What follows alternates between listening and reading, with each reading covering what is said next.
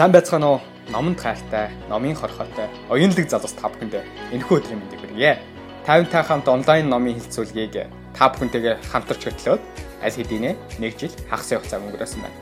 Өнгөрсөн хугацаанд хийсэн 30 гаруй дугаараа Facebook live хэлбэрээр хийжсэн бол энэ хуучин дугааруудаа бүгдийг сэргээж, шинчилж, подкаст байдлаар дахин та бүхэндээ хүргэж байгаадаа миний хувьд болон Сэхэтэн Монгол подкастын хамт олонны зүгээс туйлын их баяртай байна. Хуучин дугааруудаа бөөнөрөө хамтдаа дахин нэг сэргээ сонсцгоё. Дараа дараагийнхаа дугаарыг хүртэл та бүхэндээ подкаст байдлаар хүрэхдээ бид нэр туйлын их баяртай авах болно. Ингээд подкаст руугаа үсэрцгээе. Тантай хамт онлайн номын хэлцүүлийн 2 дахь дугаар та бүхэнд хүрж байна. Хэрвээ та бүхэн санаж байгаа бол эхний дугаар маань мөнх жаргалгайн эмэгтгэн гаргасан Еврейн хар эцгийн нууц гэсэн номоор хөрсөн бол энэхүү номын хоёр дахь хэсгээр та бүхэнтэйгээ дахин уулзж байна. Энэ удаагийнхаа дугаарыг өөрийн найз болох Батөргөлтөөгөө хамтран хөтлөн явуулсан болно. Бид хоёр энэ удаагийн дугаараа Израиль улсын хөгжлийн загвар Еврей үндэстэн бол дэлхий дээрх хамгийн их ном уншдаг арт түмэн Еврейн талмууд сургаалт яг юу дурдсан байдаг вэ? Өглөө бүр хүүхдтэй заавал өглөөний цайгийг уулгаж байж хичээлд нь явуулдаг. Тэдгээр еврей хүмүүсийн учир шалтгаан юундаа орж байна? Үргэлж бие биедээ талархах зуршлыг бий болгож байдаг еврей үндэстэн гэж яг хэн бэ? Бусдын яваагүй замаар явсан суперменууд. Амлалтаа биелүүлэх тухай.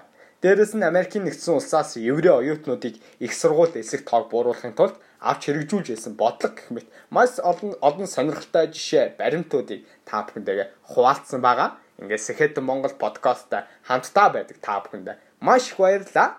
Ингээд хамтдаа подкастоо архи нэг сонсцгоё.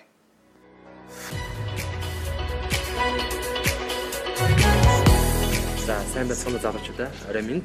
За Улаанбаатар хотод өнөөдөр цаг ухарсан өдөр байгаа. Тийм учраас хуучин цагаар бол 9 цаг. Одоо нэг 8 цаг болж байна Улаанбаатарт. За өнөөдөр бид хоёрын хийх гэж байгаа лайв маань болохоор сэлбэн Израилийн хөгжлийн загвар. За еврейчүүдийн талаар ярилцсан.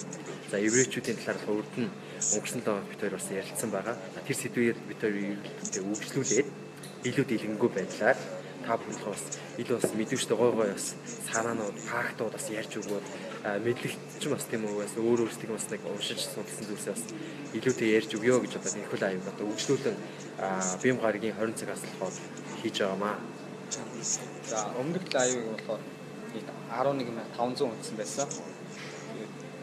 Манай залуучууд нийгэм тийм гэгээлэг оюунлаг мэдээллийг сонсоход бол илүүштэй сонирхдаг болчихжээ. 11500 үзэн гэдэг бол бид хоёр бол маш их урамшаад энэ одоо хоёр дахь удаагаа энэ лайв өргөж байна. А одоо өмнөх бичлэгийг болохоор бид нэр онлайн юм болгоцсон байгаа. Хэрэг үзэх хүсэж байгаа юм бол дахиад тэрийг ингээд паблик тохиргоон дээр хийж болно. За тэгээд өнөөдөр Еврей хар арцгийн нууц буюу номынхоо хүрээнд Израиль улсын хөгжлийн хэм маяг загварын тухай дүнлэх байдлаар хийгээд өнөөдөртөө энэ номыг 30 минутанда яриад дуусгах гэж та бүхэн ойлгож байна. Тэгээд яриагаа юунаас эхлэх нь зүйтэй вэ гэхээр өнөөдөр social good summit гэдэг арга хэмжээ болсон байгаа. Миний хувьд бол дөнгөж тэр арга хэмжээг дуусгаад шууд ирээд лайв өгөхгүйдэд бол лайв шууд та бүхэн өмнө хийж байна. Тэгээд тэр арга хэмжээнд дээр салбар худалдаа болж хаад нэг ийм зүйл яригдсан юм. Хүний чадамжийн тухай ярих гэж байна л да үнд ийм хоёр төрлийн чадамж байдаг гинэ. Аа social орчинг ашиглахад хоёр төрлийн чадамж байдаг. Хамгийн ихний чадамж нь юу юм бэ гэхээр төвлөрөх. А хоёр дахь чадамж нь болохоор нэг дороос нөгөө нэг бодлоос одоо нөгөө бодол руу шилжих ийм хоёр төрлийн чадвар байдаг юм байна. А бидний хувьд болохоор өдөр хэрэг тутам мэдээлэлээр бөмбөгжүүлж байгаа мэдээлэл 900 дамжиж байгаа.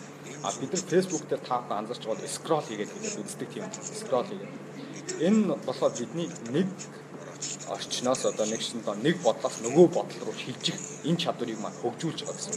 Яа тэгэхээр бид скрол хийгээл гүйлгээл маш хурдтай үзэж байгаа шүү дээ. Энэ нэг талаараа давуу талтай. А гэтэл нөгөө талаараа бид нэг мэдээлэлээр төвлөрч чадахгүй. Нэг мэдээлэлээр фокуслж чадахгүй байгаа нэг талаараа дутагдaltaй дутагдaltaй тал гэж яригдчих гэж байна. Одоо жишээ нь Викторийн энэ одоо үзэж байгаа хүмүүсийг харах юм бол 17 18 хүн орж ирээд үзчихэ тий. Тэгчээд Жишээ нь зарим нь бол ингээд эргээ гараа авчиж байгаа. Тэгэхээр бид нар энэ интернет орчинг одоо чинь ашиглахдаа төвлөрөх гэдэг чадвараа нэгсэнд алдаж байгаа юм байна тийм. Аливаа зүйлээ төвлөрөөд нэг 20 минутын бичлэг үзэх, 10 минут нэг газар суугаад ном унших энэ чадваруудаа тодорхой хэмжээгээр алдаж эхэлдэг гинэ. Тийм болохоор энэ чадвараа нэгдүгээр манайхан бас хөгжүүлж байгаарай гэж өнөөдөр яригдсан арга хэмжээндээр энэ зүйл яригдлаа. За одоо тэгээд номныхоо хэсэг рүү яриагаа оруулаа явъя.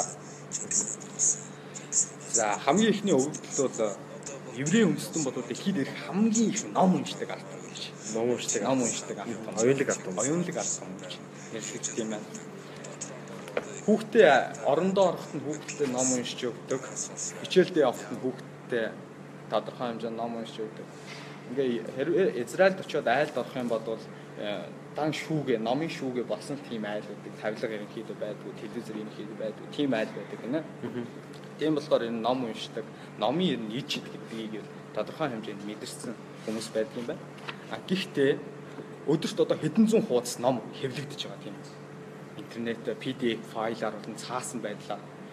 Тэгвэл энэ их мэдээллийн ерэн зунд бид нар ном уншаа суугаад байх нь бас зөв зүйтэй за талуу гэдэг дээр бас нэг талаараа бодох хэрэгтэй болж. Тэгвэл бид нар тэр олон номнуудаас зөв номыг бидэнд яг юунд хэрэгтэй вэ гэдэг номыг шүүн тунгааж олж авч унших юм бол нэг талаараа цагийг хэмнэх юм. Тэгэхээр еврей одоо талмуд гэж сургаал байна л да. Тэр сургаал дээр юу гэж бичсэн байна гэхээр их уншаад үл хэрэгжүүлэх чинь их ном их ном айтсан ижигтэй адил гэж. Их ном уншсан хэдий ч гэсэн тийм үү. Тэгээ түүнийг хэрэгжүүлж болохгүй байгаад их юм бол их ном айтсан ижигнээс бол төдийлөн ялгаа байхгүй. Тэгэхээр ном уншаад байх нь бас амьдралдаа хэрэгжүүлж чадахгүй байгаад бол төдийлөн үүдүүдтэй биш юм байна гэдгийг еврей автом бас еврей автомны сургаалаас харж болохоор байна. Тэгэд энэ дээр нэг Джон Кеннедигийн жишээг та бүхэндээ хэлье. Аа уран ихтгэлээр ерөнхийдөө Джон Кеннеди шалдалтай шүү дээ. Уран ихтгэлээр. Тэгээ 1960 онд хамгийн анх одоо Америкийн ерөнхийлөгчийн сонгуулийг мэтгэлцээний зарчмаар явуулж нэгсэндээ телевизээр хоорондоо мэтгэлцээ хийх тийм шоу, ток шоу маягаар хооронд нь нэр дэвшиж хүмүүс мэтгэлцүүлдэг байж та. Тэгээ тухайн үед Джон Кеннедигийн одоо уран илтгэх чадвар, альва асуудлын шийдлийн гарцыг олох чадварын гол нууц нь хэн байсан бэ гэхээр алталтнаас ээж нь Роуз хадгалтай байсан. Роуз.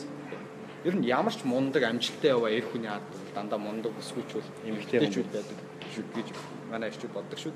Тэрнтэй адилхан Роуз хадагтай арталтанд байсан, үргэлж дэмждэг байсан. Джон Кеннеди 4 5 настай байхад нь үргэлж ном уншиж өгдөг, хүүхдтэйг үргэлж ярилцдаг. Хүүхдийгээ яагаад гэдэг асуултанд нь төгшөөлгүй хариулдаг. Хэрвээ асуултын хариултыг мэдэхгүй байх юм бол хамтдаа тэрхүү асуултыг эрэлхийлэх гэж эрэлхийлэх гэж зүтгэдэг байсан. Тийм болохоор Роуз хадагтайгийн нэг одоо үр хүүхдээ Америкийн нэг томоохон ерөнхийлөгчийг төрүүлэн гаргасан бас мундаг эмэгтэй гэж нэрэж болохоор. Тэгээ 1900 тухайн сонгуульд Джон Кеннеди гарсан сонгуульд болохоор Никсон ерөнхийлөгчтэй өрсөлдсөн байна. Никсонтэй ерөнхийлөгч юм байна. Тэгээд тухайн тэр хоёр шууд телевизээр ингээ шоу болж байгаа шүү дээ. Джон Кеннеди болохоор шууд үзэгчд рүү хараад нэгсэндээ камер руу яриад хараад хүмүүстэй шууд ярилцж эхэлсэн. Никсон яаж исэн бэ гэхээр Джон Кеннедигийн ярьж байгаа зүйл рүү л анхаараа царай руу хараад байсан. Үүгээрээ тэр хүний хүмүүстэй хэрхэн харилцах вэ гэдэг уран илтгэх, бусдыг манлайлах, бусдыг өдөрдох энэ чадвар хэрхэн эзэмшсэн бэ гэдгийг үүнээс харж байгаа. Тэгэхээр Джон Кеннеди энэ чадвар юунаас бий болсон бэ гэхээр ном унших, а багасаа ээжтэйгээ ярилцдаг байсан. Тэр чадварууд нь тодорхой хэмжээнд нөлөөсөн болов уу гэж эндээс бол гарч ирж байгаа. За хоёр дахь еврейн одоо битэдийн яг ингээд ишлэлүүд дээрээс болохоор өглөөний цайгаа еврейчүүд үргэлж уудаг байсан. Өглөөний цайгаа өглөөсөө заавал цай уудаг тийм үү. Яагаад вэ гэсэн чинь их сонирхолтой. Одоо breakfast гэдэг үг шүү дээ өглөөний цай. Энэ болохоор fast буюу одоо өлсгөлэн байдлыг break буюу эвдэх, эвдэх Тий. Бүхэл бүтэн 12 цаг бид нар юм идэв шүү дээ. Уурч нь ингээд 6 цагаас хойш юм идэхгүй өглөө босч байна. 6 цаг босч байна гэдэг. 12 цаг юм идээгүй өлсгөлэн байдлыг эвдэх гэсэн утгатай үг юм байна л. Тийм болохоор өглөө босонгуудаа хүүхдээ заавал өглөөний цайг нь уулгаж өгч хичээлд нь явуулдаг гэсэн. Энэ еврей маш том дадлал зуршил. Яа тэгэхээр нөгөө хүний нөгөө байнгын ажиллаж яадаг бие эргэтэн ч өөрөө зүрх юм байна л. Тэгээ зүрхчин болохоор одоо хоногийн энерги зарцуулалт нь болохоор 140 калори. За. Тарих болохоор үүнээс 3 дахин их. 420 калори гэсэн үг шүү. 420. Тийм болохоор өглөө босоо бидний цусан дах сахар багассан байдаг тодорхой хэмжээ. 12 цаг юм мдээгүй юм чинь. Тийм болохоор бид нэр юм идэж тэр цусан дах сахарын хэмжээг нэмэгдүүлж тэр 420 калорийг бид авч идэм байна тархинда. Тийм болохоор хүний тарих илүүтэйгээр ажиллаж эхэлдэг юм байна. Тийм болохоор залуустай хэлэхэд өглөө явахдаа гэрээсээ гарахтаа өглөөний сайгаа байнга ууж явж байгаарай гэж та бүхэнд зөвлөмөр байна. Тийм бол сахарын хэмжээнийг зүгээр нэмэгдэх юм байна. Мөн тийм өглөө ингээд цай уучиж доороос сэргэлт авдаг шүү дээ. Ааха. Тийм яг манайханд бас нэг ажиллаад байдаг. Өглөөний өмч тийм өөр бас бус номууд харахад болохоор ер нь хаасайг барууныхан тийм ер нь Европод бүгдээрээ өглөөний цагаа байнга ууж идэг. Энэ мэн болохоор яг монголчууд болохоор бид нар бас яг оюутнууд байхдаа яадаг вэ гэхээр өглөө ингээд хичээлдээ яадаг ч юм ажилдаа яадаг ч юм уу тийм ингээд мартчихдаг. Энэ байдал мань өөр ингээд бидний ингээд эрүүл юмд юм ингээд сөргөө нөлөөлөд байдаг. Тэгж бас өглөөний өмнө намайг харж ирсэн юм. Тийм. Аа тэгээд дээрэс нь болохоор яг еврейчүүдийн бас нэг өөрсдийг нэг авч явдаг өөрсдийг дадал зуршлыг энэ ном дээр илүү гарч өгсөн гарч өгсөн юм шиг байна тийм үү? Дад зурш таахан дад зуршил тэгээд өөрсдийнх нь боловсролын тухай үр үрдээ хэрхэн хүмүүжүүлсэн. Ерөнхийдөө соёл иргэн шилгээл Аа. олон сэдвүүд хамсан сэдв ном байна л да. Э еврейчүүдээ бол ерөнхийдөө мэрэгүү ухааны одоо яг үндсэн нь болохоор еврей хүний аим гэж үздэг гэж Бесбиолын бас харж исэн юм байна л да. Тэгээд болохоор еврей хүн бодлоод хамгийн гол еврей хүний бас нэг өөрийнх нэг авч явдаг нэг бас нэг амин нэг чанар нь өөр юу гэхээр нэг бүглэрэн байгаа чи нэг жижигхэн байгаа нэг зүйлсээс болохоор өөрт хэрэгтэй зүйлсийг одоо бий болгодог. Одоо чи нэг үзэгч байна уу тийм үү? Энэ таг харагдаж байгаа яг ширэн дээр байгаа ч юм уу эргэн тойронд байгаа тэр зүйлсээс нэг бүтээчтэй нэг санаа байдаг. Би яг түрүүн бас чи яг нэг санаа гарч ичсэн. Еврей бизнесмен хүмүүсийн талаар болохоор бас түрүү яг энэ лайв хийхэд бол уурчсан байхгүй. Еврей бизнесмен хүмүүс болохоор бусдаас нэг ядарах нэг онцлог өөрөө юу гэдэг вэ гэхээр одоо бид нар одоо яадаг чинь бизнесийг санаа олонгод шууд хэрэгжүүлдэг шүү дээ. Гэтэл одоо еврей бизнесмен хүмүүс болохоор нэг бизнес нэг санаа олсон бол тэрийгэ нэг 7 нэг дээр хэрэгжүүлдэг. Хэрэгжүүлэх гэсэн арга замыг ярьдаг. Ярилцдаг. Энэ нь болохоор яг еврей бизнесмен хүмүүс болохоор гол нэг авч явдаг нэг санаанаага өөр нэг даваа тал гэж хэлдэг. Тийм учраас болохоор стартап гэх бизнес гэж ярьдаг шүү дээ. Тийм? Гарааны бизнес л хамгийн хаана илүү хөгжиж байна вэ гэхээр еврей Израильд. Эсвэл еврей хүмүүс илүү Цаад байна гэж.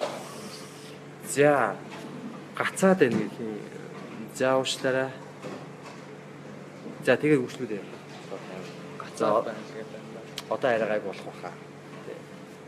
Би тэр бол бас нэг 8 цагаас сууш нэг лавазад бас интернет нь бас арай гайгүй боломж одоо 8-аас шахаар интернет хийж байгаа. Лайв хийж байгаа.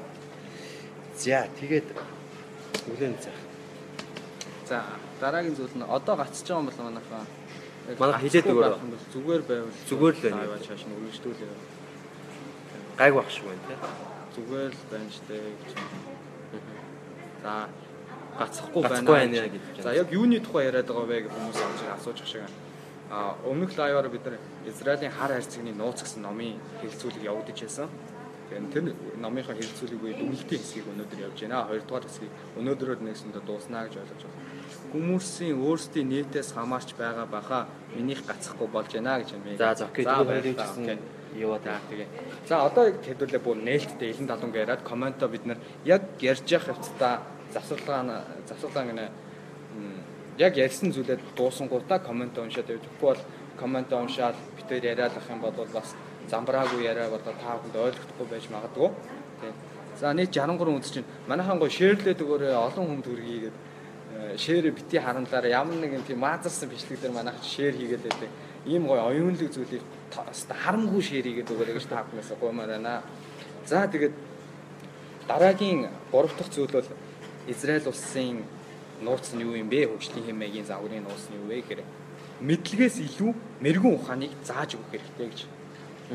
Чиний хувьд мэдлэг мэрэгүн ухаан юугаар ялгаатай мэдлэгийн дээд түвш нь болохоор мэрэгүү ухаан гэж бодож байна. Мэрэгүү ухаан байснаар болохоор альва нэг зүйлийг тийм үү гарах гарцыг нь илүү ингээд тодорхой ил дэвшилттэй тийм үү аль нь илүү боломжтой сайн байх тийм үү тэрийг нь илүү сонгож байна. Мэрэгүү ухаан гэдэг бол ердөөсөө илүү давуу тал тал шин чанар. Давуу талтай шүү.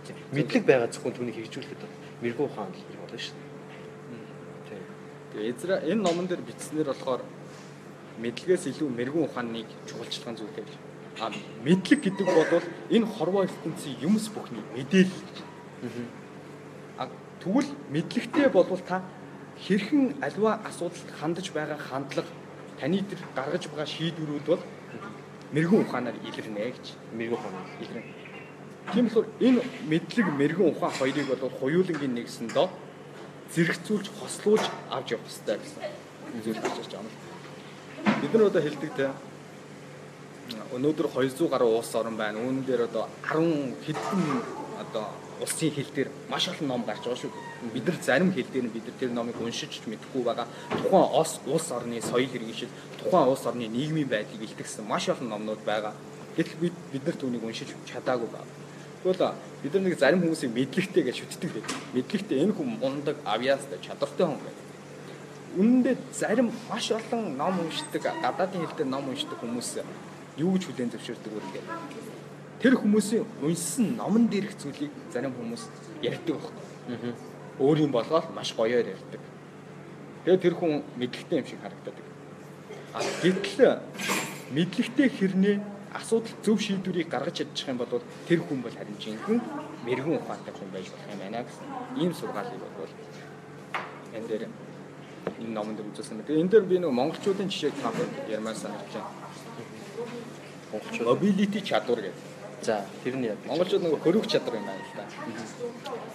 Одоо Чингис хаан одоо байлдан дагуулалтын үед дайснууд довтолдог пэр гэж аргашаа зүгтдэг. Нөгөө дайснууд нь болохоор за эдгээр биднээс айгаар хүчин мөхсдөг зүгтж яана гэж боддог. Тэгээ араас нь хөөдөг. Араас нь хөөнгүүт нь өрхөнд оруулаад бут цогтдог. Тийм болохоор монгол хүний энэ mobility mobility чадвар буюу хөрөг чадвар нэг байр сууриас нөгөө байр суурь руу шилжих амьдрах чадвар. Энэ бол хамгийн том чадвар гэж үнэлэгдэж юм байна. За амьдрах чадвар дээр өнөөдрийн сонсон чиг гэх юм бол ягаад бид нар амьдрах чадвараараа чадвараараа илүү юм бэ гэхээр нүүдэлсэн нүүдэлчин соёл иргэншилтэй. Тэгээ хөдөө хээр тал дээр та бүхэн ингээ хөдөө явж хараа нэг айл ганц л айл ба шүү. Тухайн айлд тог байхгүй, интернет байхгүй, тэ 12-оор одоо нөгөө 12-оор 12 вольт гаргаад одоо сүүлийн телевизэртэй хөргөжтэй болсон. Бусдаар тэр бол одоо яг мэдээллийн 90 100-ны технологи хөгжиж байгаа шиг бидний хэрэгцээ шиг бүх зүйл тэнд байхгүй шүү. Гэтэл тэнд ганцхан хүн байна. А тэр ганц хүн бүх асуудлаа өөрөө шийддэг. Тэр гэрт байгаа хүн. Тэгэхээр бид нар тухайн орчиндөө амьдрах чадвар бол дээд зэрэг хөгжсөн хүмүүс болж тараад байна. Тийм болохоор энэ mobility чадвараа Монгол хүн хөгжүүлээд энэ хөрөг чадвараа хөгжүүлээд явах юм бол бас илүү давуу талтай юм дөө гэж бодож байна. Тэгээд дээрэс нь яг Израильч тийм үү? Еврей гэдэг нь болохоор яг Израиль өөрсдөө гэсэн байгуулсан хүмүүс байгаа. Тэгэхээр яг Израильчууд монголчуудыг бас нэг харьцуулсан харьцуулт хийсэн л байна. Тэр нь яг юу гэхээр стартап nation гэх ном байгаа. А энэ хүн бол цагаач еврейдэн Senor Sol гэдэг одоо хүний одоо бүтээсэн. А стартап nation гэдэг манай болохоор болохоор Невкогоос хэвлэн гаргасан төр ус цогцлон бүтээх үг гэдэг ном байгаа. Тэгээ тэр номоос ингээ харж байгаа яг Израиль хүмүүс, Израильчүүдийг, за еврейчүүдийг, тэгээ монголчуудыг нэг хоёрд одоо хэсэгт нь нэг адилтгсан байгаа юм л та. Одоо улс орныг тийм үү, empire тийм үү, гүрэн гэж одоо үздэг юм байна. Дэлхийд ирсэн хоёрхан улс орн, хоёрхан гүрэн байгаа гэж байгаа. За, за эхний гүрэн нь яг ямар гүрэн бэ гэхээр Монгол орчиж байгаа. За Монгол ягаад маш том гүрэн байсан бэ тийм үү? Монгол яагаад дэлхийн хэмжээний гүрэн байсан гэхээр монголчууд өөрөө дэлхийн хамгийн том газар нутгийг иргэшээсэн газар нутгийг зохицлон бүтээсэн. Тэр нэг шин чанараар болохоор монголчууд өөрсдөө том гүрэмний тоонд орж байгаа. За тэгвэл Израиль тийм үү? Яагаад бас гүрний тоонд орж чинь чи чанд ямар нэгэн таамаг байна уу? Таамаг заач явах юм аа. Гадарж байгаа ч юм ч юм уу тийм? Америкт Америктэй их өөр байдаг. Америк энэ Израиль улсыг их дэмждэг. IT салбарт нь ч гэсэн тодорхой хэмжээний хувь нэмэр оруулсан байдаг юм билээ Америк улс. Тийм болохоор нөгөө миний өмнөх лайв дээр хэлээдсэн шүү дээ. Дэлхийг Америкчууд хөдөлгдөг, Америкийг Израильчууд хөдөлгдөг гэдэг. Тэгэхээр энэ хоёр улс бол хоорондоо салшгүй холбоотой. Бие биенийгээ бүр ах トゥ усын холбоотой барилдлагатай юм шиг дэмжиж идэг. Энэ нь болохоор Израилийг өнөөдрийн хөгжлийн хэм маяг, хөгжлийн загварт нь хүргэж чадсан юм. Аа. Чи санаа юу нь бас зөв л дөө. Аа энэ дэр бас гол юм юу гэхээр хоёулын яриад яалтчгүй мэрэгэн ухаан мэдлэг тэр хүмүүсийн тийм үү авиас чадвар тэр зүйл рүү орчоо тийм үү тэгвэл еврейчүүдийн болохоор яг өөрсдийн уус үндэснээ гүрэн мэт ингээ болгосон тэр юу гэхээр ухаалаг мэрэгэн арт хүмүүс. Ухаалаг мэрэгэн арт хүмүүс учраас болохоор хэрүүгээр нэг гүрний шин чанартай. Хэдийг дэлхийн 20 дугаар зуун хүртэл өөрсдийн гэсэн газар нутаг байхгүй. Тийм газар нутгаар ярих юм бол болохоор дэлхийн жижигхэн газар нутагт улс орнуудын хамгийн нэгт тоонд ордог улс орнууд нэг тийм үү? Ийм шин чанартай байсан идэж гисэн улс орныхонд оршин тогтносон хугацаа тэгээд тийм. хүн ам цөөн идэж гисэн ухаалаг арт хүмүүнээр болохоор ихэнх хэмжээний гүрэн болж байгаа. Шин чанараар болохоор энэ Монгол энэ харьцуулт бий болж байгаа юм байна. Тэгж яг төр тулсан цогцлон бүтээгдэхүүн гэдэг ном дөрөлгөө бид гарч ирж харагдаж байгаа. Тий. Төрөн л яг яриа өгнөлөө. Дараагийн жишээ нь болохоор юм байна. Израильчууд үргэлж талархах зуршлыг суулгаж өгөх хэрэгтэй гэнэ бие биедээ үргэлж талархаж байна. Ямар нэгэн зөрчилдөөнийг зогсоох хамгийн том хэлбэр бол бие биедээ талархах юм аа. Бие биедээ баярлах, баярлсан сэтгэлээ хайртай гэсэн сэтгэлийн илтгэх нь энэ болвол хамгийн том зөрчиллийг одоо бууруулах зүйл юм аа гэж хэлсэн байт юм байна л да. Тэгэхээр энэ дээр менежментийн бурхан гэж нэрлэгдэх Японы бизнесмен Масашита Канасики гэдэг энэ хүний нэг гоё жишээ. Шорон сүм хоёр нийгмээс тусгаарлагдсан байдлаараа ив ижилхэн. Нэгсэн тусгаарлагдсан байдлаараа ижилхэн. А гэхдээ тэнд гомдлож байна уу, талархаж байна уу гэдгээрээ ялгаатай. Тийм бод. Хоёулаа уг нийгмээс тусгаарлагдсан зүйл. А нэг нь болохоор гомдлдог, нэг нь болохоор хүмүүс талархах гэж очдог. Тэгвэл шоронд байгаа хүмүүс талархаж эхлэх юм бодвол магадгүй шорон сүм болох болцоотой биш. Адилхан л нийгмээс тусгаарлагдсан. Тийм болохоор орчны хөдөл ялгаа. Орчны хөдөл ялгаатай. Ялгаас тусгаарлагдсан. Тийм болохоор өөрийн амьдарч байгаа орчиндөө дасан зохицоод тухайн байгаа байдлыг боддоор нь хүлээж аваад та өөрөө сэтгэгүйдээ түүнийг талархаж хүлээж авах юм бол нэгсэндээ эрг өөрчлөлтийг бий болгох бас томоохон боломж юм аа гэдэг энэ жишээгээр та бүхэн хэлхийг хүссэн. Дараагийн жишээ нь болохоор цаг хугацааны үн цэнийг дээдэлдэг арга. германчуудыг бид нар их цаг барьдаг арт юм гэж нэрлэдэг шүү дээ. Герман хүн бол цагийг бол яс барьдаг арт юм. Жишээ нь өнөөдөр өнөөдрийн цаг хугацааг маргааш бид нар мөнгөөр худалдаж авч чадахгүй болохоор энэ цаг хугацаа гэдэг чинь хамгийн чухал юм шүү гэж. Магадгүй мөнгийг бол олчж болно тийм. Эрүүл мэндийг бол тодорхой хэмжээнд эмчтэй биеийн камераар хичээлээд эргүүлээ бид нөхчиж байна. Гэхдээ бидэнд олгогдож байгаа энэ цаг хугацааг бид маргааш тэр мөнгөөр хэдэн тэрбум доллартай тэрбумтэн байсан ч бид нар худалдаж авч идэггүй. Тийм болохоор энэ хүмүүс цаг хугацааны үнцнийг маш ихээр мэдэрсэн ард юм. Өмнөх лайв дээр хэлжсэн 2000 жил хавчигдж нэг улсаас нөгөө улс руу цагаарчилж дарлагдж дэлхийн 2 дугаар дайны үед нийтгүй амынхаа тал хувийг хядуулж байсан. Ийм арт түмэн цаг хугацааны үнц цэнийг бол маш ихээр ухаарсан гэдэг юм. Тэгээ дараагийн хэлэх зүйл нь алдаж бүтлгүүцсэн бол зоригжуулж харин нэг алдаагаа дахин давтвал зэмэл гэдэг ийм сургаалыг байнга сахиж байна. Энд дээр нэг сонирхолтой жишээ хэлэхэд алдан гэдэг бол амжилтын 99% байна. Хэрвээ та алдаж байх юм бол амжилтанд хүрэх зам маань тодорхой хэмжээнд нээж байна гэсэн. Та алдахгүйгээр зүгээр суугаад байх юм бол та тодорхой архихгүй байна. Ийм сургаалыг гэсэн хэлэх гээд байна. Тэгэхээр 20 наснда одоо ганц биеэр Америкт цагаачилж байсан Intel-ийг үүсгэн байгуулагч Andrew Crow гэж. Энэ хүний хувьд бол одоо тухайн компьютер Intel гэдэг одоо компьютерийн зах зээлд бол томоохон байр суурь эзлэх компани шүү дээ. Тэр үед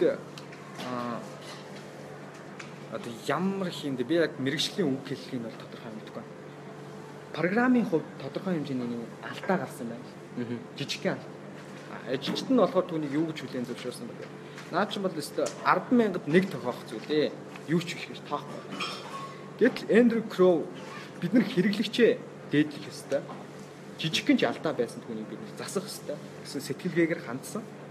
Тэгэд нийт тухайн компьютерийг худалдаж авсан нийт хэрэглэгчдэд 700 475 сая долларын эргэн төлөлтийг нэгсэнд өгч ирсэн байна. Тэгж өөрсдийнхөө хэрэглэгчийг авч үлдэж байсан. Ийм том зах зээл өөртөө бий болгож байсан. Ийм ахалтай хүн байдаг. Тэгээд э, би бас нөгөө ярих хэвээр юм дээр болохоор юм байна. Ярих гэж бас бодсон юм байна. Яг еврей хүмүүсийг бас яг өнөөгийн еврей хүн болохноос юу нөлөөлсөн бэ? талаар бас түр ярих гэж бодож ирсэн. Тэгээд яг энэ талаар яг харж ирсэн болохоор а хүмүүс ярьдаг шүү дээ еврейчүүдийн мэрэгэн ухааныг тэгээд бас яг еврейчүүдийн талаар илүүтэй ярихад болохоор энэ л бурхнаас өгсөн бэлэг юм гэж ярьдаг. Бурхнаас өгсөн бэлэг. А бас нөгөө талаас харах болохоор еврейчүүдийн өөрсдөө тийм нэг харийн даглал, боолчлол тэгээд тэр олон цагаачлал тийм үү? Тэгээ еврей үндэстнийг одоо хомроглоо устгах явдал геноцид тийм үү? Дэлхийн ойдууд дайны үед Адольф Гитлерийн явуулсан тийм үү? Чи яг өмнө өмнөх бас а лайв дээр ирж исэн. А 6 сая хүмүүсийг тийм үү? Дэлхийн ойдууд дайны үед хятсан байгаа. А тэгээд тэрээс нь еврей үндэстнийг одоо ингэ энэ олон хядчихсан энэ олон хар өдрүүдийн дараагаар болохоор еврейчүүдийн өөрсдийн авсан том сургамж байгаа. Энэ бол цагаачлал, энэ олон хэрэнд хинвчлэл, энэ бүхнээс өөрөө өөрсдөө еврейчүүд юу болж авсан бэ гэхээр бишэл зовлонгийн тийм өсрэг тайван байх энэ хамгийн том тийм эрхэм чанарыг олж авсан. Энэ бол яг еврейчүүдийн өөрсдийг яг овшин тогтнож байгаа нэг гол бас нэг авч явдаг өөрсдийг нэг салбар нэг шин чанар байгаа юм л та. Тэгээ энэ дэр нэг нэг ном байгаа юм л та. Өмнө одоо яг их дурдсан еврейчүүдийн хар хайрцагны бодлого гэдэг ном. А энэ болохоор за нь ингэж хэрэгүүлж байна. Камер одоо ингэж эргүүлүүл яг зөв чинь үү яаж юм. Инхээр бас буруу хагдаад ирсэн. Тэ? Тийм. За тэгэхээр одоо яг энэ ном дээр бас гарсан нэг жишээ намайг их татсан юм. Тэр бол яг ямар жишээ байсан бэ гэхээр аа хацаад байна. За зүгээр за юу ч явж илээ тийм үү. Эргээд бас та бүхэн лайв бас харж болох бах далаачдыг хөлгөн хуцсан.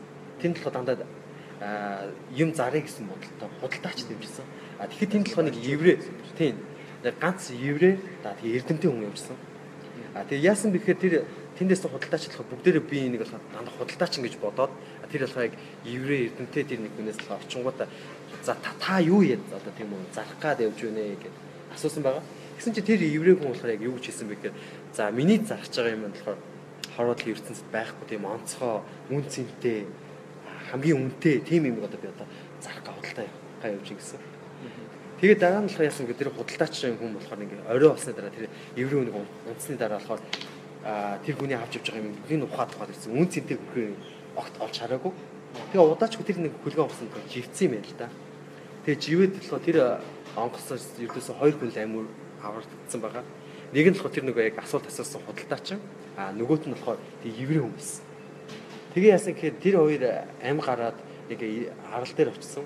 Тэгээ еврей хүн болохоор яг арал дээр очингууд болохоор тэндээс нэг амьдарч исэн овог дээр очиод мөнгөлийн тахимд нь оронгууд болохоор өөрсдөө тэр мэддэг тийм эргэн ухаан тэр боддог зүйлсээ бүгд нь болохоор тэр хүмүүс зааж өгсөн чинь болохоор тэнд амьдарч исэн хүмүүс болохоор ямар мэдлэгтэй ухаантай хүн бэ гэдээ тэр хүн болохоор шагнаад тэр хүний болохоор нэг авч яваад болохоор яг аварсан байгаа байхгүй.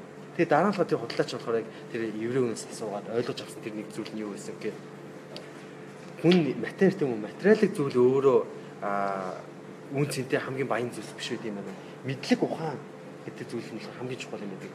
Тэгэхээр энэ олон хэрэн тэнүүчлэл энэ олон зовлон зүтгүүрийн цаанаас болохоор еврейчүүд болохоор маш олон дээр нь тоноод өртөжсэн.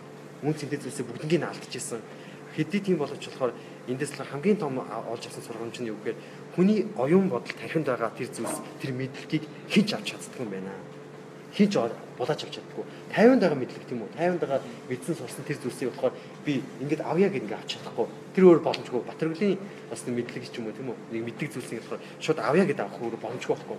Тэгээ еврейчүүдийн хамгийн том болж авсан тэр сургамж нь өөр юу гэхээр аа хүний тийм яг мэдж авсан тэр мэдлэг ухамсарыг болохоор тэр том баялагийг хийж авч чадахгүй байна гэдэг. Өөр тийм том сургамж Тийм ч учраас яг еврейчүүд өөрсдөө оршин тогтнох юм. Аа тэгээ өөрсдийг хамгийн том баялаг нь бидлэг эрдэм ухаан байдаг. Энэ зүйл нь өөрөө еврейчүүд авч явдаг. Еврей хүндийг бус хүмүүсээс ялаж байдаг байна. Тэгээ тийм ч тийм ч утгаар еврей хүмүүс одоо жишээ нь гадаадын өөр улсаар нь цагаачлаад байсан хамгийн хурд ажилд ордог гэж байдаг шүү дээ. Хамгийн хурд ажилд орж чаддаг. Наад наад жишээж болох хүмүүс бас байсан шүү дээ. Тэгэд алдаж бүтлгүүцсэн гэдэг дээр би нэг сонирхолтой жишээ та бүхэнд уншиж байгаа. Англи Стив Джобс хэмээн нэрлэгддэг Джеймс Дайсон гэдэг залуу ингэж хэлсэн байна л да. Алдчил байг алдуул харин ч ажлаа хурдан сурдаг юм гэж ажилтнууд ажилтнуудаа зоригжуулдаг байна. Тэрээр амжилт бол 99% алдаанаас бүтдэг гэдэгт итгэдэг. Dyson 40 гаруй жил дахин дахин бүтлгүүцсээр эцэст нь бусдын санаагүй шинэ бүтээгдэхүүн хийж чадсан юм.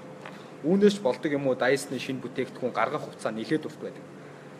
Энэ хүний хувьд болохоор хоёр зүйлийг бүтээсэн юм байлаа. Нэг нь болохоор уутгүй тоос зурагч, а хоёр дахь зүйл нь болохоор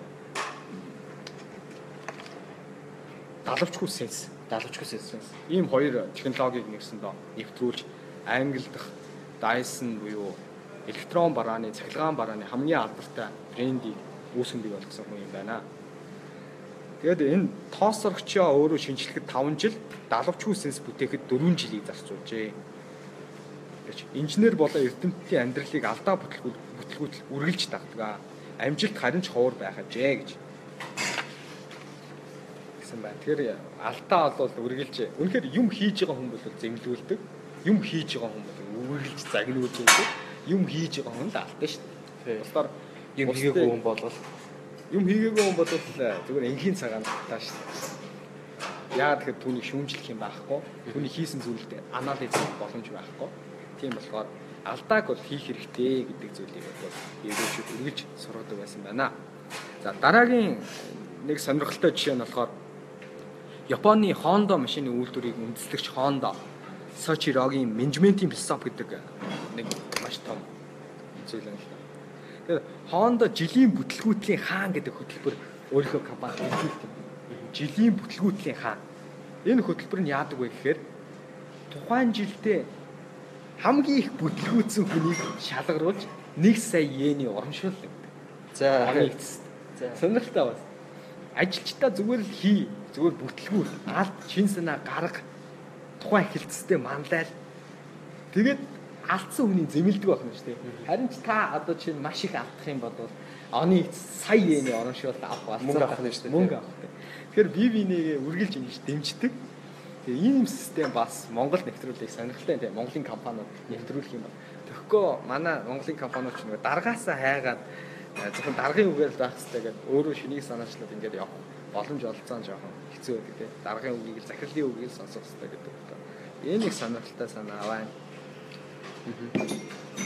Тэгээ манай жишээн дээр ч болохоор даргаасаа эмээгээд тийм айгаал за манай дарга маань одоо юугээ хийчих бол яах бол гэж хийж байгаа зүйлсээ өчигдөр одоо маань найзтайгаа би нэг саяхан уулзсан. Саяхан одоо их сургуулаа төгсөөд ажилд орсон юм.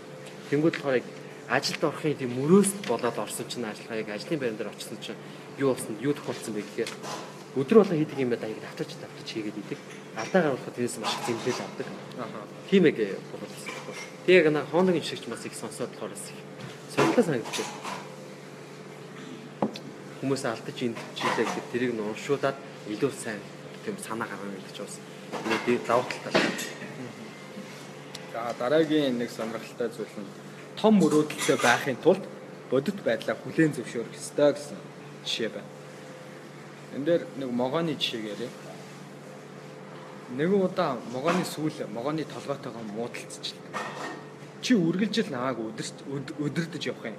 Хамгийн тэргүүнд л хаашаа явахыг, юу идхийг чи л бүгдийг мэдэж хийд. Яагаад би заавал чамд өдөрдүүлж ингэж ард явах хэрэгтэй юм бэ гэж нэг өдөр могооны сүүл дургуутчихлээ толгойдоо.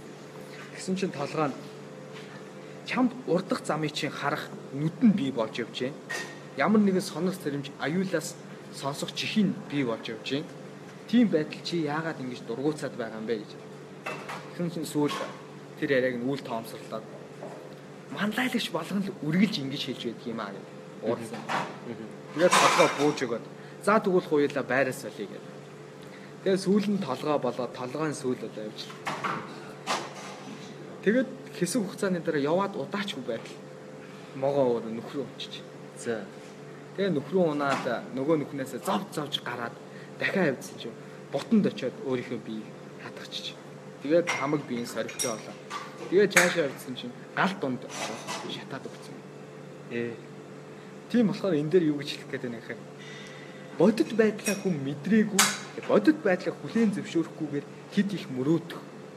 Энэ бас асуудалтай. Тэгэхээр бодит байдал дээр анализ хийгээд түүнийг хэрэгжүүлж болохоор болохгүй зүйл дээр анализ хийж явах хэрэгтэй гэдэг зүйлийг энэ чигээр хэлдэг.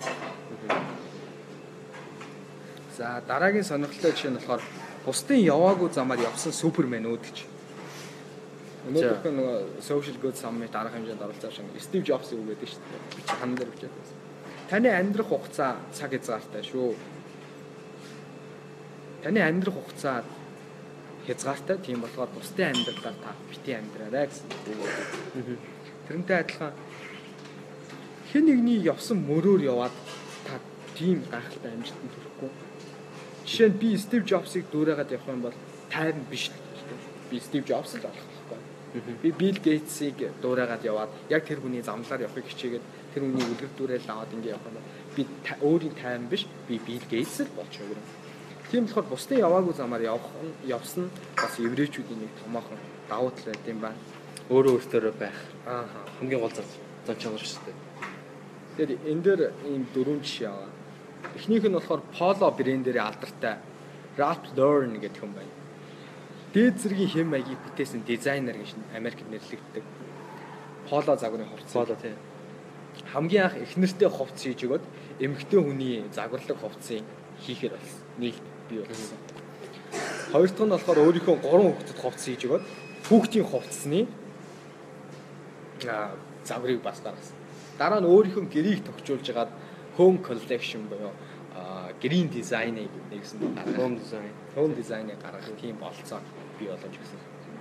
Ийм поло утасны одоо чинь Americ Forum гэж нэрлэгдэх ийм алдартай бас бүтээлийг төрүүлсэн хүн байд юм байна.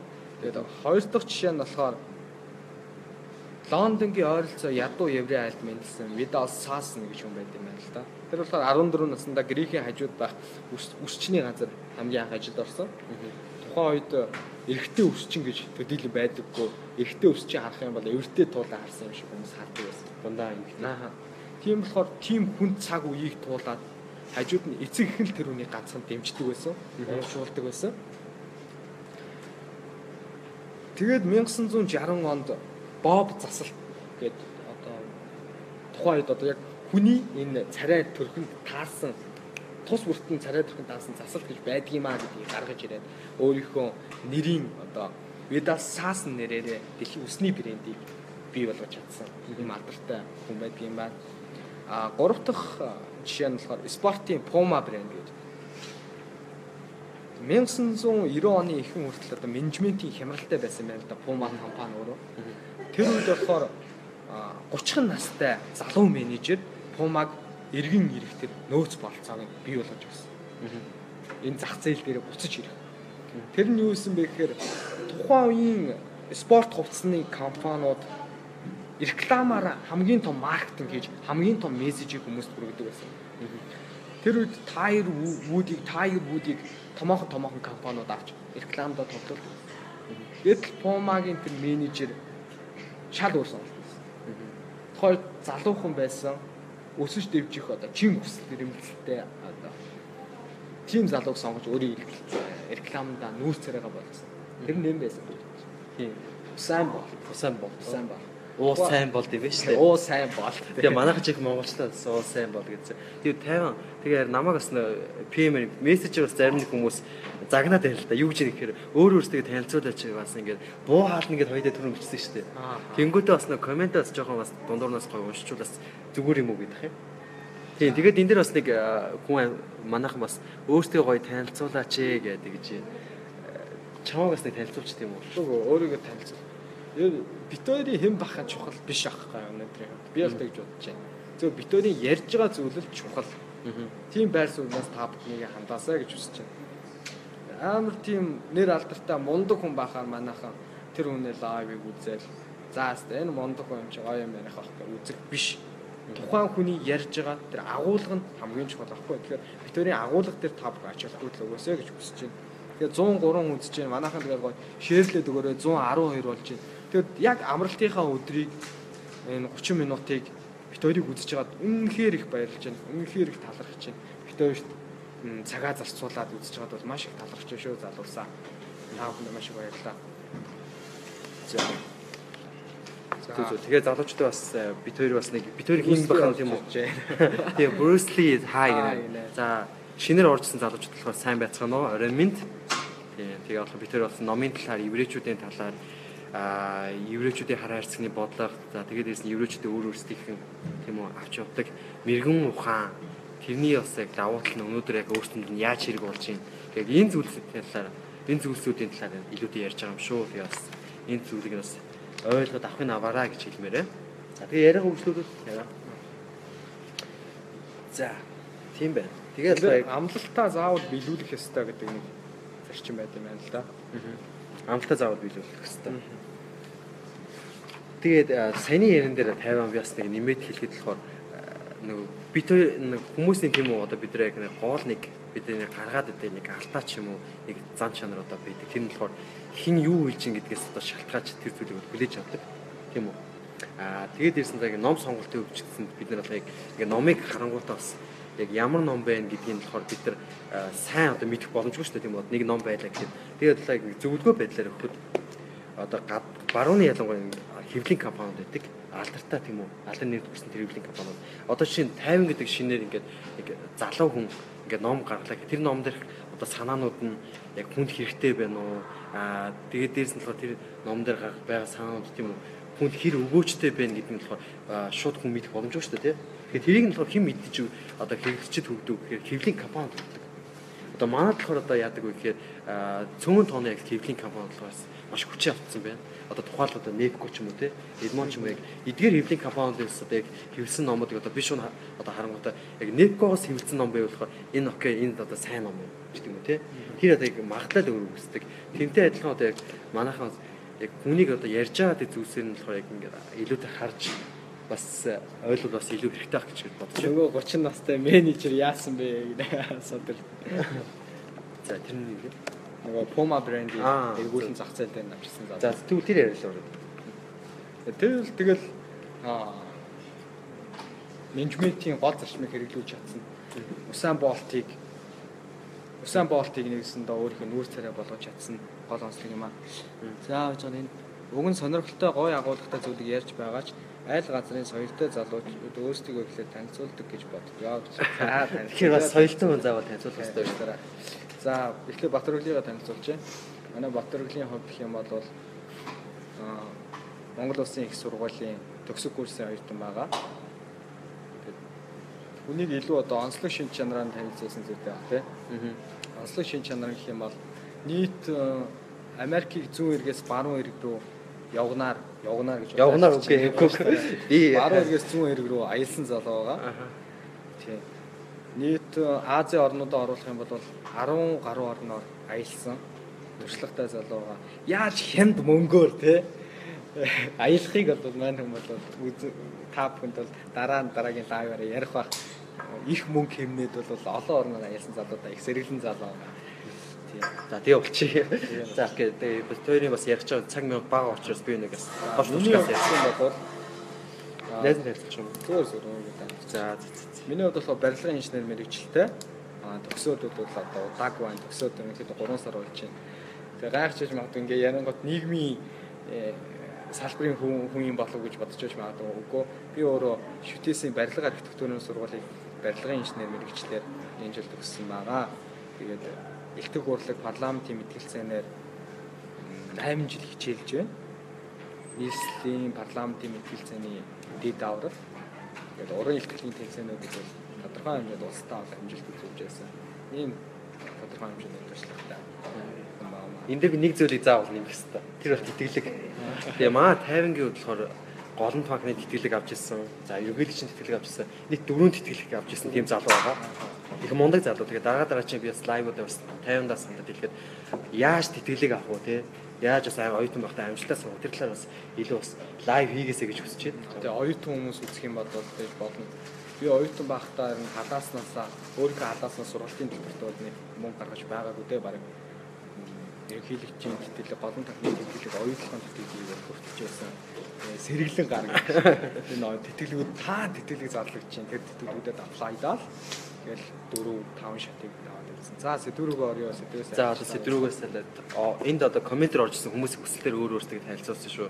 Та бүхэн зүгээр ойлгоорой. За сэдврүүг ор тий. За энэ дээр одоо нийт хэдэн минут болсон? За явж явж. За би хэлье. Эсэлтийн хянах тогтолцооны тухай та бүхэн сонирхолтой байж магадгүй дээ. Гэхдээ эсэлтийн хянах тогтолцоо байна. Энд дээр болохоор Харвардын их сургуулийн еврейчүүд маш олноор элсэж эхэлсэн юм байна л да. Харвардчууд Харвардын их сургууль. Тэгээд Америк улс нийт нэг жил элсэж байгаа элсэгчдийн 20 гаруй хувийн еврейчүүд еврей оюутнууд эзэлдэг байсан байна.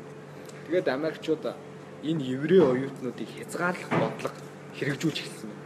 Элсэлтэндээ. Яаж хязгаарлах бодлого хэрэгжүүлсэн бэ гэхээр зөвхөн шалгалт аваа зогсохгүй арьс өнгө, анкет өглөختөө арьс өнгө, шашин, эцэгхийн овог, эцгийнхээ төрсэн газар, хүүснээс гадна хувийн онцлог шинж, дуртай спорт, хичээлээс гадуурх үйл ажиллагаа, багшийн тодорхойлох тодорхойлол зэргийг бичдэг болж эхэлжээ гэж тухайн үед. Тэгээд нөгөө эсэлтийг тодорхой хэмжээнд багасгасны үр дүнд 15% болж байсан гэж. Тэгэхээр нөгөө дэлхийд одоо хуулийн чиглэлээр алдартай Илийн их сургууль, Ил Принстон их сургууль, Харвардын их сургууль, Чикагогийн их сургууль эдгээр сургуулиудад болохоор ийм эсэлтийн одоо хязгаарлах тогтолцоог хэрэгжүүлж байсан байна. Тэгэхээр еврей хүний сэтгэггүй тэр хүний чадвар бол бас Америкчүүдийг бол тухайд нэлээд сандрагж байсан байна тий. Эсэлтийн хувьд юм. А хоёр дахь зүйл нь болохоор амлалтаа заавал биелүүлэх хэрэгтэй.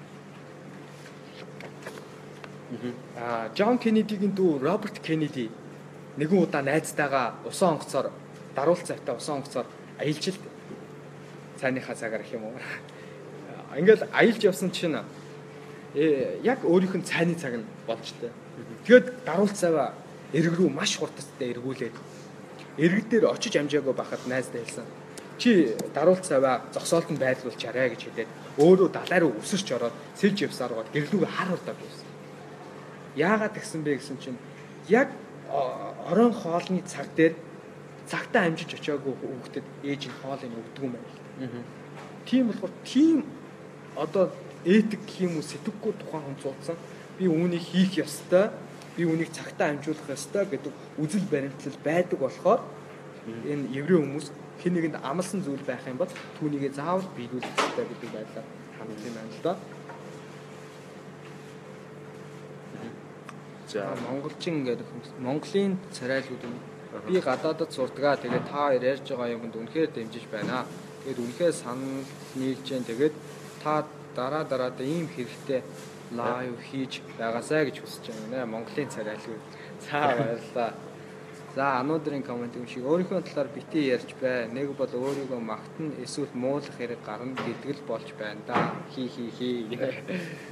За За одоо ерөнхийдөө еврей бодлыг 50 минут руу ордог. Чин за чи дүнэлтээ хийгээд санаж зүйлэрч. Найз нь тэгээд хэдэн зүйл яриад еврей хар хайрцагны нууцын энэ агуулгын тухай энэ номын эцсийн эцэс дээр энэ номоор юу илэрхийлэх гэж зохиолч мөнх жаргал баа бичсэн бэ гэдэг талаар та бүхэнтэйг яриа. За дүнэлт маркер болохоор за бит хоёр бол ерөнхийдөө бас нэг еврей хар хайрцагны бодлого гэдэг энэ ном. За тэгээд дээрэс нь стартап нэшн гэдэг ном байна тэр мөн бол бас өөр өөр хэвлэл материалуудаас номуудаас харж яг еврейчүүдийн талаар илүү ярих хичээсэн. Тэгээ яагаад еврейчүүдийн талаар бас ингэж ярих болсон бас шалтгаан нь маань өөрөө еврейчүүд өөрсдөө тийм оюунлаг арт юм. Энэ оюунлаг арт хүмүүст болохоор маш олон бүтээлүүд гарч ирсэн. Зөвхөн 20 дугаар зуунд гэхэд болохоор орчин үеийн ертөнцийг тийм үү одоо яг үүсгэн байгуулсныг 500 орчим алдартай одоо эрдэмтэн хүмүүс байгаа байхгүй Тэр 500 орчим хүмүүсээс 280 орчим 50 илүү хувь нь болохоор еврей хүмүүс байсан.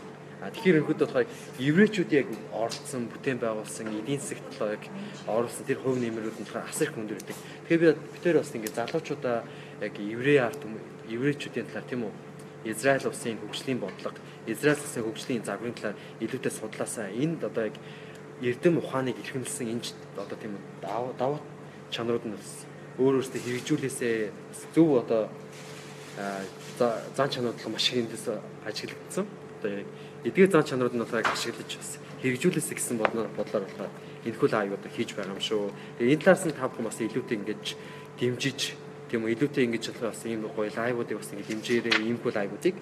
За тэгээд дээрэс нь болохоор яг ийм еврейчүүдийн талаар израилуудын талаар болохоор өөрсдөө илүү ихээр ингэж уншиж судлаасаа гэж одоо хүссэн тэр одоо хүслээс болохоор инфо лайв хийж байгаа юм шүү. Тийм байна. За комментэд унши. Юу энэ да залуу минь нэ. За нөө хөлтлага. Ном харж болох уу? Хаан зарж байгаа юм бол гинэ.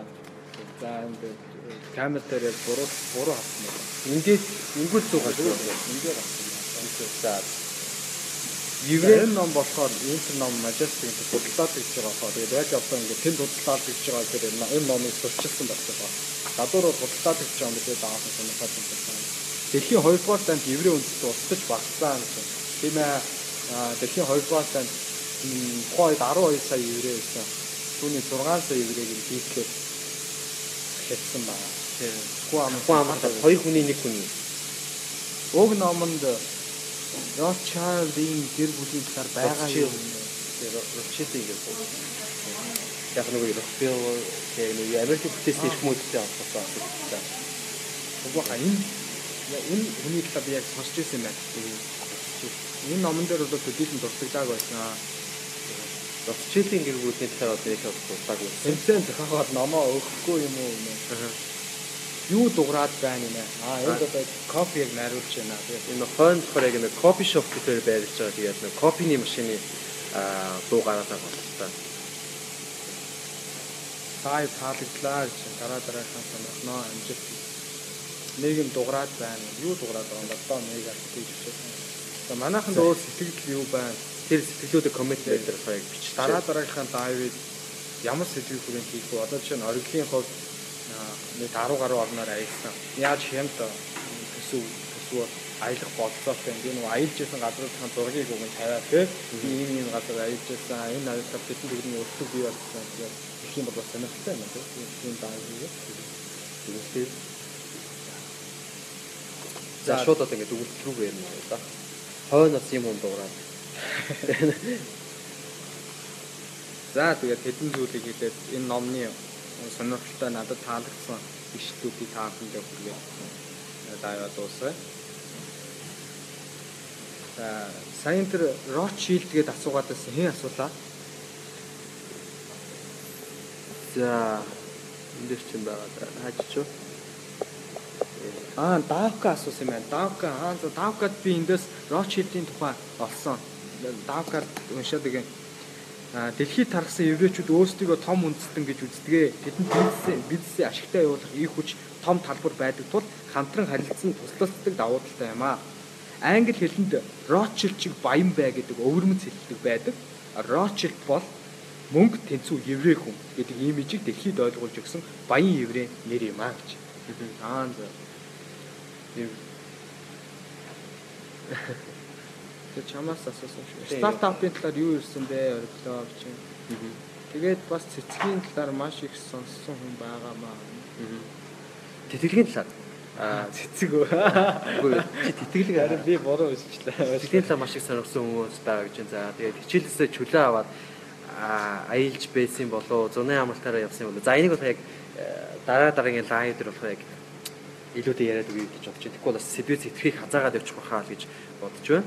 За тэгээд Cozet Queer Cozet дээр болохоор бас хариулт хэлэх болохоор Startup Nation гэдэг яг ном юм байгаа чи бас мэдж байгаа. Nipco-гийн хэвлэлийн ном. За тэр ном дээр болохоор бас гарч ирсэн монголчууд за тэгээд дээрээс нь аа Израильчууд хоёр ялгаагийн тийм илүүтэй ярьж гисэн. Аа тийм тийм тэр талаас нь илүүтэй ярьж гисэн. Тэгээд төр ус цогцсон гэдэг л яг энэ номынх нь нэр нь арам л да. Тэгээ энэ болохоор нэг хээрмэл одоо нэг жүүдээс те хүчрэхэг одоо Израиль одоо яаж болсон одоо тэр талаар ерөөдөө бичсэн тийм ном байгаа. Аа тэгээд яг инновац тийм еврейчүүд яг инновацийг яаж бүтээж юм еврейчүүд яг хөгжлийн тэр загварын талаар болоо илүүтэй гаргаж өгсөн тийм ном байгаа шүү. Бас бусд хүмүүст илүүтэй бас яриад өгөх. Тийм. Хоёулаа лайваа дуусах бол Драгийн лайва хизээ хийх вэ гэж. За одоо 6 минутын дараа тэгээд дуусна. Драгийн лайва хизээ хийх вэ гэж дараа 7 оны хагасаар хийнэ. Аа, манай сугурмаа орж ирж байна. Орсоос. Мондо хоёр бүгд амжилт хүсье гэж. Бид хоёрын лайв болохоор бэмх гараг бүрийн оройн 8 цагаас л э, хийн гэж бодож байгаа. Ер нь яг тийш төлөвлөж байх их болно. За 5 минут. 5 минутаа дүгнэлт хийгээд өөрөө өглөө. Гэхдээ яг энэ лайв нь 1 цаг болгоод яг автоматар За ойлголаа. Тийм, Үнэт чулууг шүтэх болсон гэдэг. Энэ дээр би еврейчүүд алт үнэт чулууны бизнесийг их хвшлэн гэр бүлээрээ хийдэг хүмүүс юм байна. Тэгээд тухайн үед 1893 онд дэлхийн анхны алмаасны худалдааны төв Бельгийн алмаасны захигч еврей хүн атгаж байваа. 100 жилээс дээш түүхтэй алмазны Devoice компани еврей хүний өмч бөгөөд дэлхийн алмаз үйлдвэрлэлийн 60%-ийг эзэлдэг. А Нью-Йоркийн Манхэттны төвд баруун зүүнд хийсэн сонсон 47 дугаар гудамжинд 300 м урттай 3000 орчим учир алмазын дэлгүүр зэрэгцэн оршдгоо. Дэлхийн үнэт чулууны зах зээл энтхийн еврейчүүдийн гарт байдаг гэхэд хэтрүүлэг бий болохгүй гэж. Үүгээрээ юу хэлхийг хүсэж байна гэхээр еврей арт түмний хувьд бол бизнес ер нь яндоотой арт түмэн бизнес яндаатай арт том гэдгийнх нь гол учир нь юу вэ гэхээр бит хоёрын хоёр лайваар хүргэж байгаагийн гол зүйл бол мэдлэг, мэрэгэн ухаан хоёрыг хамгийн үнэтэй зүйл юм а гэж өөрсдөө шүтэж үүнийг хөгжүүлж явж байсан материалын зүйлд төдийлөн төвлөрөөд байдаггүй гол эдгээр хүмүүсийн давуу тал байжээ. Тэгээд үг дуурдаггүй хүүхэд сурч чадахгүй гэдэг еврей зүрхцэн байдаг. Тийм болохоор еврей хүүхдүүд үргэлж хоорондоо мэтгэлцэж байдаг, үргэлж хоорондоо шин санаа гаруул хоорондоо хэлэлцэж байдаг. Тэр нь өөрсдийг нь хөвж нэг том давуу тал болж байна гэдэг хоёр дүгнэлтээр яриаг амтай. Йоо. За за тэгээ бит хоёрын бас лайв болох айл болох залуучуудаас мэдлэгийг тийм үү бас нэг сонирхолтой тэд зүйлсийн фактуудын талаар илүүтэй ярих гэж бас хичээж байгаа гэдгээр онцлог байгаа шүү. За тэгээ сүүлийн хэдэн комментиг уушаад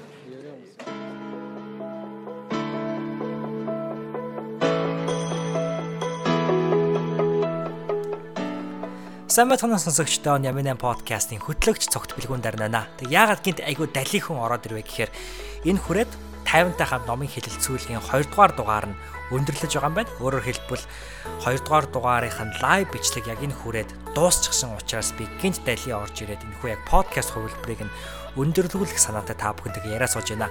Тэгэхээр нөхөө 50-таа номын хэлэлцүүлгийн 2 дугаар дугаарыг 58 маань хийгээд Батөргөл хоёр маань хамтдаа хөтөлсөн байгаа. Тэр хоёр маань үнэхээр гайхалтай гайхалтай мэдлэг, мэдээллийг та бүхэндээ өгч нэгийг бодогдуулж хоёрыг тунгаарласан гэдэгт би маш их итгэлтэй байна. Тэгээд юуны түрүүнд энэхүү подкастыг сонссон хүн нэг бүртээ чин сэтгэлийнхаа талархлыг энэхүү сэхэтэн Монгол подкастын ард байгаа бүхий л хүмүүсийн өмнөөс илэрхийлж байна. Тэгээд энэхүү дугаар, энэхүү подкаст маань танд маш их таалагдсан итгэлтэй байна. Тэгэхээр тийм бол та энэхүү подкастыг iTunes дээр буюу Apple Podcast-ээр сонсч байгаа бол сэтгэлдээ үлдээхээ битгий мартаарай. За ингээд хэдүүлээ дараа дараагийнхаа гайхалтай контентуудаар иргэн уулзцгаая. Тэгээд дахин та бүхэндээ баярлалаа.